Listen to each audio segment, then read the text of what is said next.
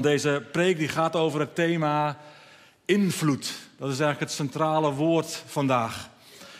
We hebben dat lang niet altijd in de gaten, maar de hele dag door worden we allemaal beïnvloed. Heel ons leven wordt eigenlijk gekenmerkt door een gevecht om onze aandacht. Eh, en we zijn ons daar de laatste jaar denk ik wat bewuster bij geworden. Hè? Ook toen in de coronacrisis ging het opeens veel meer over uh, de algoritmes en over een, een hoe noem je dat? Tunneltjes, fuik, fuikjestunnel, wat was het ook alweer? Nou, je weet wat ik bedoel. Maar dat je, dat je, als je maar één keer zoekt op een filmpje, dat je vervolgens allerlei filmpjes over dat thema krijgt. Of uh, ik heb soms wel het idee, je hoeft maar te denken aan een nieuw tosti-ijzer of een nieuwe fiets. En opeens krijg je allemaal reclames over tosti-ijzers en fietsen in je tijdlijn, toch? Dus er is een gevecht gaande om onze aandacht. Reclame, social media, het is er allemaal op gericht om jou en mijn wil te beïnvloeden. En influencer zijn, de letterlijke vertaling is beïnvloeder. Influencer zijn is tegenwoordig zelfs een officieel beroep waar je veel geld mee kunt verdienen. En wat is het doel? Ja, beïnvloeden. Maar goed, dat doen wij allemaal. We zijn eigenlijk allemaal influencers. Op het moment dat jij uh, ergens iets van vindt en dat deelt met een ander, hè, je mening deelt, dan ben je op dat moment een influencer. Want je probeert de ander te beïnvloeden. Ben je niet eens bewust van dat je het doet en soms wel. Want soms wil je ook graag de ander overtuigen. Maar we zijn eigenlijk allemaal influencers. Daar hoef je geen beroep van te maken. Dat ben je gewoon doordat je ademhaalt. He, ook ik, hier en nu, ik probeer invloed uit te oefenen. En dat kan als heel snel een negatieve lading hebben. Uh, maar dat is wel waarom ik hier sta. Ik ben zelf zo overtuigd van de kracht en de waarheid en de relevantie van Gods woord. Ik ben zo overtuigd geraakt in mijn leven van de liefde van Jezus, dat ik niet anders wil dan anderen daarmee voeden. Dan anderen daarmee ook beïnvloeden waar dat kan. En dan is even de vraag, wat zijn in jouw leven over het algemeen grote invloedsbronnen? Hoe wordt jouw wil dag in dag uit beïnvloed? Want je wil bepaalt uiteindelijk wat je wel en wat je niet doet. Wat je wel en wat je niet zegt. En, en als je denkt aan invloedsbronnen, nou, dat, allereerst gaat het om je gezin van herkomst. Dat is een hele grote invloedsbron in je leven. De manier waarop je denkt, de manier waarop je kijkt, de manier waarop je mening vormt over andere mensen, is voor een groot deel gevormd in hoe daar in jouw gezin van herkomst mee om is gegaan, over is gesproken. Maar ook de maatschappij, je vrienden, eh, de media en ook social media. Invloedsbronnen. Ik hoop voor de meesten van ons dat de Bijbel een hele grote invloedsbron is. Dat de Heilige Geest een invloedsbron is in ons leven. Maar het is niet alleen maar de wereld, het is niet alleen maar de geest. Er is ook duisternis die probeert invloed uit te oefenen. Soms ook met valse beloftes van licht en duister. Er is ook je eigen vlees, je eigen lichaam, je eigen ziel, wat gewoon soms zin heeft in chips, in seks, in uh, gewoon een avondje hangen op de bank of heel veel avondjes hangen op de bank en even niks doen en even lekker zappen of uh, binge-watchen of whatever. Vul zelf maar in. Dat is eigenlijk een opsomming van geest, ziel, lichaam. Dat is allemaal actief dat probeert allemaal invloed uit te oefenen op onze wil. Daar waar we keuzes mee maken. Er zijn heel veel stemmen. Er zijn heel veel bronnen die onze wil proberen te beïnvloeden. En het is goed om daar niet alleen maar bewust van te zijn, maar ook om daar actief in te handelen. Je kunt kiezen. Je kunt kiezen welke bronnen er wel en welke bronnen er niet van grote invloed zijn in je leven.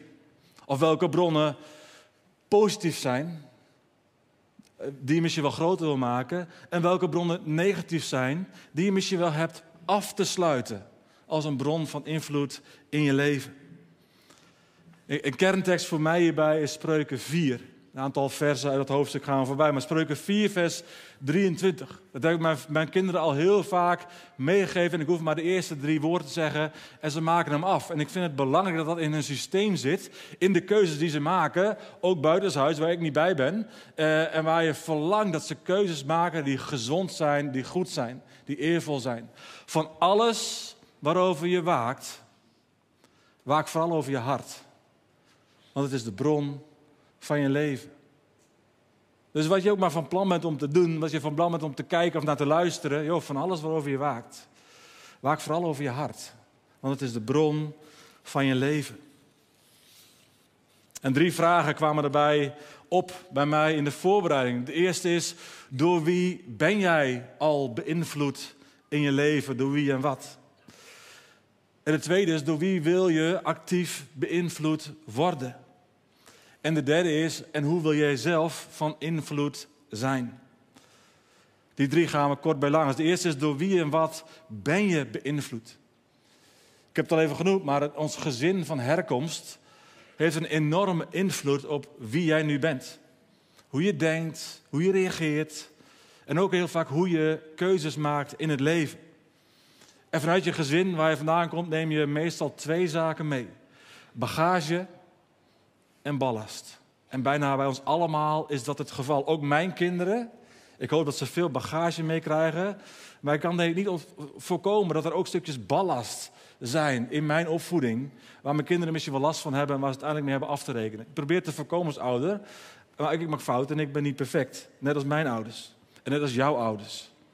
Maar bagage, die, die krijg je mee. Dat is kostbaar. Dat zijn de goede, mooie principes die je meeneemt uit je gezin. Die bagage kan geestelijk zijn. Dat je hele gezonde uh, geestelijke voeding hebt gehad, ook van je ouders in je geestelijk leven. Die bagage kan op zielsniveau zijn. Dat je ouders je op een gezonde manier hebben laten hechten. Dat je je geliefd weet. Wat een ongelooflijk belangrijke bagage is. En dat ze bijvoorbeeld ook je hebben geleerd hoe je op een gezonde manier omgaat met, met zaken als angst, boosheid, teleurstelling. Bagage op zielsniveau vanuit je gezin van herkomst. En die bagage kan ook fysiek zijn. Als er op een gepaste wijze ook fysieke intimiteit is geweest. In de vorm van knuffelen, omarmen. Eh, maar ook jezelf leren verzorgen. Positieve invloed. Bagage die je mag koesteren. En waar je je ouders voor mag bedanken. En tegelijkertijd is het bijna illusie. Dat je alleen maar mooie bagage meeneemt en geen ongezonde ballast. Niemand is perfect. Dus je kunt ook enorme winst boeken in je leven door, als je dat nog niet bent, bewust te worden ook van de ballast die je nog mee zult. Wat die ballast is, want, want ongemerkt hindert je dat. Gewoon in je leven vandaag. En ballast, dat kan ballast zijn in je denkpatronen. Ballast in, in hoe je gewoon geleerd is om te kijken naar andere mensen. Of hoe je geleerd is om te kijken naar, naar jezelf. Maar ballast kan ook zijn dat er dingen zijn gebeurd in jouw gezin die nooit hadden mogen gebeuren. Dat je beschadigd bent geraakt door dingen die hebt gedaan of dingen die zijn gezegd. En ballast kan ook zijn dat je niet hebt ontvangen wat je wel had moeten krijgen. En misschien is dat je ouders niet te verwijten, omdat ze dat zelf ook nooit hebben ontvangen van hun ouders. Ik merk dat de generatie van mij en daarboven ehm, niet goed hebben geleerd om over emoties te praten. En dus ook moeilijk is om dat je kinderen dan te leren, uh, waar je dus ook heel makkelijk in tekort komt. En wat je dan wel op andere manieren hebt te leren. Dat is je gezin. Maar andere bronnen van invloed uit het verleden zijn bijvoorbeeld je kerkelijke achtergrond. Of niet. Ik ben zelf opgegroeid ook zonder kerk en zonder geloof. Eh, dat is bepalend in, in hoe je ook kijkt naar God, je godsbeeld. Maar je schoolleven, als je gepest bent eh, op de lagere of de middelbare school of whatever, je merkt dat dat vaak heel lang nog doorwerkt in iemands leven. Dat is ballast uit het verleden die nog steeds van invloed is. Maar ook je vrienden, je vriendengroepen. Uh, en dingen als de films die je gekeken hebt, de muziek die je geluisterd hebt, de boeken die je gelezen hebt of de, de rituelen waar je voor open hebt gesteld. Allemaal bronnen die in meer of mindere mate van invloed zijn geweest en dus vaak nog steeds van invloed zijn op je manier van denken en ook je manier van handelen. Op de keuzes die je tot nu toe hebt gemaakt. En het is één ding dat we kunnen ons verleden niet meer veranderen. Maar we kunnen er wel voor kiezen hoeveel invloed het verleden nog heeft vandaag en morgen. En dat vraagt om actieve keuzes soms. om te weten en te beseffen, ja, ik heb anders te leren kijken. Ik heb anders te leren denken. Ik heb anders te leren reageren dan hoe me dat tot nu toe is geleerd. Dat vraagt om een actief proces. Om vaardigheden misschien wel aanleren. Of andere waarheden aan te leren die alles gaan beïnvloeden. En daarom is ook iets, als het verleden dingen zijn gebeurd die niet oké waren, is vergeving ook zo belangrijk. En vergeven doe je niet omdat het niet meer erg is wat er is gebeurd. Heel vaak is het wel erg wat er is gebeurd en dat blijft staan. Maar vergeving maakt juist, dat doe je eigenlijk niet eens voor de ander, dat doe je vooral voor jezelf. Want als je vergeeft, dan kom je los van de ander. En dat betekent dat de ander niet langer eigenlijk het recht ontzegt om nog langer invloed te hebben op je leven. Dus vergeven kan soms een enorme drempel zijn. De grootste zaken die wij in pastoraat tegenkomen hebben vaak te maken met vergeving. Of niet kunnen vergeven omdat het zo heftig is. En ja, het is heftig. En vergeven doet er niks aan af. Maar je helpt jezelf enorm verder door te zeggen, maar ik laat het achter me. Ik vergeef, want ik wil niet dat het nog langer invloed op mij heeft vandaag en de dagen die nog volgen. Ik snij mezelf los door te vergeven. En soms leidt het tot verzoening, maar niet altijd. En soms kan dat ook niet, omdat er te veel en te heftige dingen zijn gebeurd. Maar dan is vergeving wel iets om bagage, of nee, ballast kwijt te raken. Dat is wat er al is beïnvloed in je leven. En dan als tweede stap, oké, prima, dat is geweest, maar wat stop je er nu zelf bewust in? Door wie en wat laat jij je vanaf nu beïnvloeden? Welke stemmen en welke bronnen mogen er spreken in je leven? Wat zijn goede bronnen in je leven? En wat zijn bronnen waar je misschien wel eens een keer tijd wordt om mee te stoppen? Om je daar van daaruit te voeden. Want er zijn negatieve stemmen en bronnen en er zijn positieve stemmen en bronnen. En Spreuken 4 ons daar nog veel meer wijsheid in te geven. Vers 14 en 15 lezen we daar: Luister niet naar slechte mensen als zij verkeerde dingen doen, moet je niet meedoen. Volg hun slechte voorbeeld niet. De Bijbel is heel expliciet. En wij als christenen zijn nog zo vaak zo naïef. Zo goedgelovig. Ah joh, dat kan helemaal geen kwaad. Nou, het kan wel kwaad. Naar wat je kijkt en naar wat je luistert. Want het beïnvloedt je denken. Er is ook nog zoiets als de misleider, de aardsleugenaar, de uiteendrijver, de machten van de duisternis. Die zijn reëel en die herkennen we lang niet altijd als zodanig. Maar de machten van de duisternis, ook die doen hun best om ons te beïnvloeden. Die richten hun pijlen op ons denken. Om daarmee via ons denken ook onze wil te beïnvloeden zodat we niet meer of veel minder luisteren naar en leven naar de Heilige Geest. De duisternis wil ons verleiden tot zonde tegen God. En dat gebeurt soms via van die goedmaakers. Ah joh, dat is helemaal niet erg om één keertje dit of dat. Joh, wees niet zo streng voor jezelf. Dat zijn regeltjes die zijn door de kerk bedacht, dat is niet voor jou. Van joh, er zijn veel meer christenen die dit doen hoor. Dat is helemaal niet zo erg kunnen zomaar van dat soort zintjes zijn in je denken, die je proberen te verleiden. Te verleiden tot acties die jou niet gaan helpen. Die misschien even kortstondig goed voelen, maar die uiteindelijk altijd dingen stuk maken. En als we de mist in gaan, ja, dan verandert de verleider per direct in de aanklager. Als het de duisternis gelukt is om je te verleiden tot dingen die jou niet helpen, die de mensen om je heen niet helpen, tot zonde.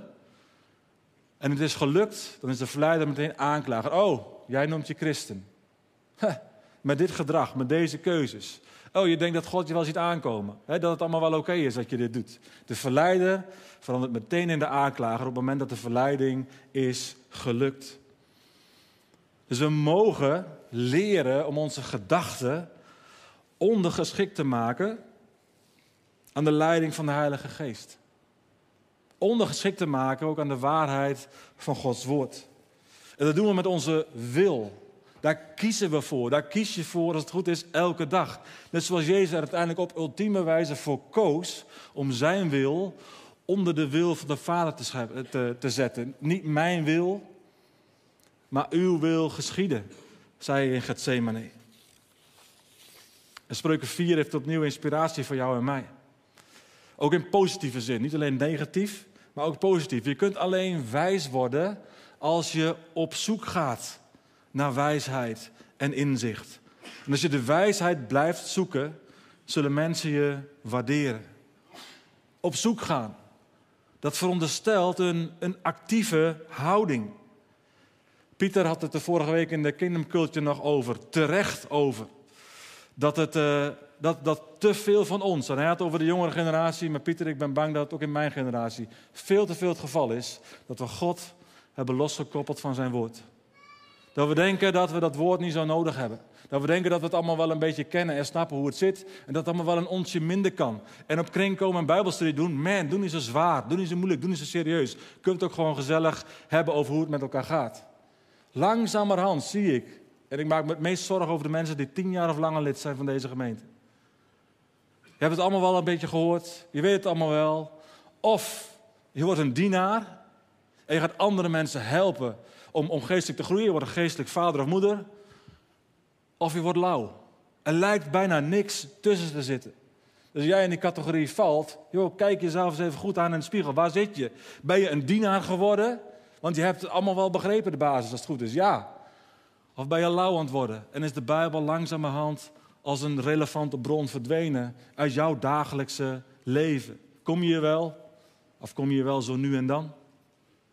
En is het allemaal wel een beetje prima? Is het vuur weg? Oh, dan ben je op een gevaarlijke plek. Lauw is erger dan koud of warm. Wordt er gesproken tegen de gemeente Laodicea. Dan ben je op een gevaarlijke plek. Onderken dat. En dan is hier de aansporing.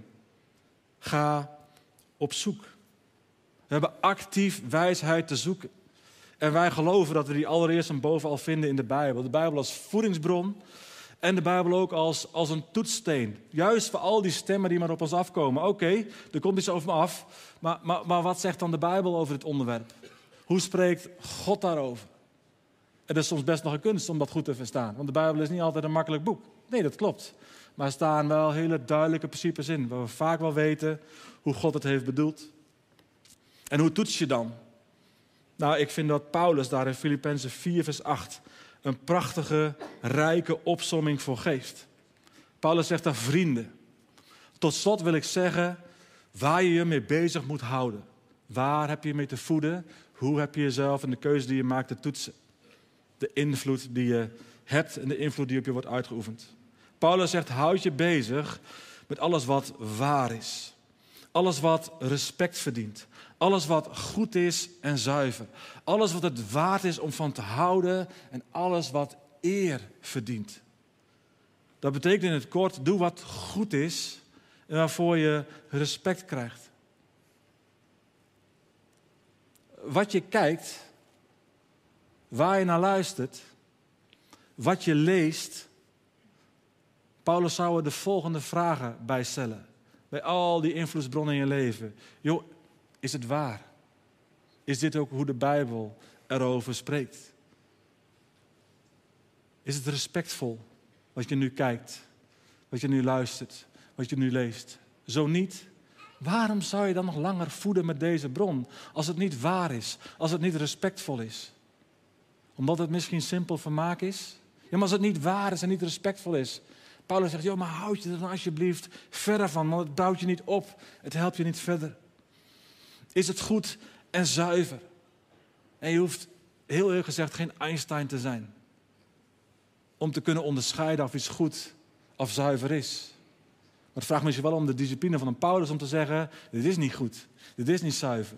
Dus ik kies ervoor om het ook niet langer toe te laten in mijn leven. Is het eervol? Is het het goede om te doen? Het goede om te doen is niet per se het prettigste om te doen. is niet per se het makkelijkste om te doen. Maar is het het goede om te doen. Ken de Bijbel, leef de Bijbel. Het zou de belangrijkste bron van invloed in ons leven moeten zijn. En het voedt ook je contact met God. Want meer Bijbel betekent automatisch een rijker gebedsleven. Meer Bijbel betekent dat de geest je ook veel meer te binnen kan brengen tijdens het bidden, tijdens het profeteren. Dus de grote vraag is, waar wil jij je door laten voeden? Kijk daar gewoon eens eerlijk naar in je leven en ook kritisch naar in je leven. En maak keuzes.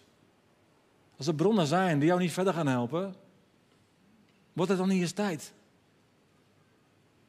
om die bronnen af te sluiten en te vervangen door bronnen die wel leven brengen. En het laatste punt, hoe wil jij van invloed zijn? Ook hier staan een paar krachtige versen over in Spreuken 4, van vers 23. Daar zegt de, de, de spreukendichter, denk altijd goed na voordat je iets zegt. Nou, daar heb ik af en toe best moeite mee, maar ik probeer het echt. Dat is het, belang, dat is het van preken, dan denk je wel goed na voordat je iets zegt. Tenminste, dat hopen jullie dan natuurlijk maar. Dat is het belangrijkste in je leven. Vertel geen leugens en bedrieg andere mensen niet. Wees altijd eerlijk en betrouwbaar. Denk ook goed na voordat je iets doet. Blijf uit de buurt van het kwaad en zorg dat je goed en eerlijk leeft. Dus de vraag, hoe kun jij groeien in, in gezonde, in positieve invloed? Nou, heel simpel. Spreuken zegt hier heel expliciet, denk na voordat je iets zegt, voordat je iets communiceert. Denk na, spreek je nu? Of, of ben je van plan, in, ook in een gesprek, ben je van plan met dat wat je nu wil gaan zeggen? Zijn dat woorden van leven? Zijn het woorden die de ander gaan helpen en die de ander opbouwen? Je hoeft het niet overal mee eens te zijn. Je mag best absoluut je eigen inbreng hebben. Maar gaat het helpen? Is het waar en is het respectvol? Maar tweede is ook door eerlijk en betrouwbaar te zijn. Mag ons dat alsjeblieft kenmerken? Dat mensen iets kunnen vinden van ons geloof, dat zij zo. Maar ik had vroeger als niet-gelovige vooral een ongelooflijke hekel aan het huigelachtige gedrag van christenen, van kerkmensen. Je hoeft je niet beter voor te doen dan je bent. Je mag fouten maken, want ook als christenen, we zijn niet perfect. Maar wat enorm gaat helpen, is dat we dat vooral ook toegeven. Dat we niet, omdat we christen zijn, zijn we niet beter. We zijn helemaal niet beter. We zijn alleen iets beter bewust dat we het zelf niet kunnen. Dat we Jezus nodig hebben. We zijn niet perfect, we maken fouten. Maar als je eerlijk bent over je fouten, dan word je automatisch meer betrouwbaar. Dus ga jezelf niet verdoezelen, je fouten. Ga jezelf niet, niet verantwoorden en, en verdedigen waarom dat zo is. Dat klopt, dat heb ik niet goed gedaan. Dat zal alleen maar helpen in minder huigelachtig overkomen als christen. Want dat is iets wat we tegen ons hebben. Iets wat wij ook met ons meedragen, gewoon door decennia lang, eeuwenlang kerk zijn heen. Ging niet altijd goed in de kerk. Het gaat niet altijd goed in deze kerk. We doen het niet altijd goed met elkaar en hoe we met elkaar omgaan. Dat is een feit. En dat, dat kan niet anders, want we zijn mensen van vlees en bloed en we maken fouten. Maar het gaat ons enorm helpen. Als we heel snel zijn met het erkennen van onze fouten. Door daardoor uiteindelijk wel degelijk eerlijk en betrouwbaar te zijn. Waarheid te spreken vanuit een hart gevuld met Gods liefde. Amen. Amen. Ik wil kort bidden en dan gaan we nog luisteren naar Henk-Jan en Marlies, die nog hun getuigenis van geven als toetreder. Ja, Vader in de hemel, u verlangt ernaar om veel invloed te hebben in onze levens. Heer, maar het is vanuit liefde. Dat is vanuit waarheid die zo puur is, die zo zuiver is. Heer, we zijn soms zo stom. Dat we denken dat het beter is om het op andere plekken te zoeken dan bij u. We zijn soms zo naïef. We zijn soms zo makkelijk te verleiden. Heer, vergeef ons. Dat we zo vaak andere dingen grotere prioriteit geven dan u. Omdat we soms toch stiekem denken dat het ons meer zal brengen, of dingen zal brengen die u niet te geven hebt. Die we wel denken nodig te hebben. Heer, help ons om de bronnen in ons leven helderder te kunnen onderscheiden. Om bronnen van positieve invloed groter te maken. Om bronnen van negatieve invloed misschien wel kleiner te maken. En soms is het nodig om ze af te sluiten. En Heer, help ons om ook van een goede invloed te zijn. Door waarheid te spreken, maar niet met het opgehoven vingertje maar waarheid die diep geworteld is in uw liefde. Waarheid die de ander mooier maakt en niet afbreekt. Heer, dat we eerlijk en betrouwbaar zijn. Eerlijk over onze fouten, over ons falen. En dat we daarmee verschil maken. Invloed hebben. Ook op de levens om ons heen. En dat ze, hoop ik toch, door ons heen iets gaan proeven van wie u bent. God van liefde. God van waarheid. Geprezen zij uw naam. Amen.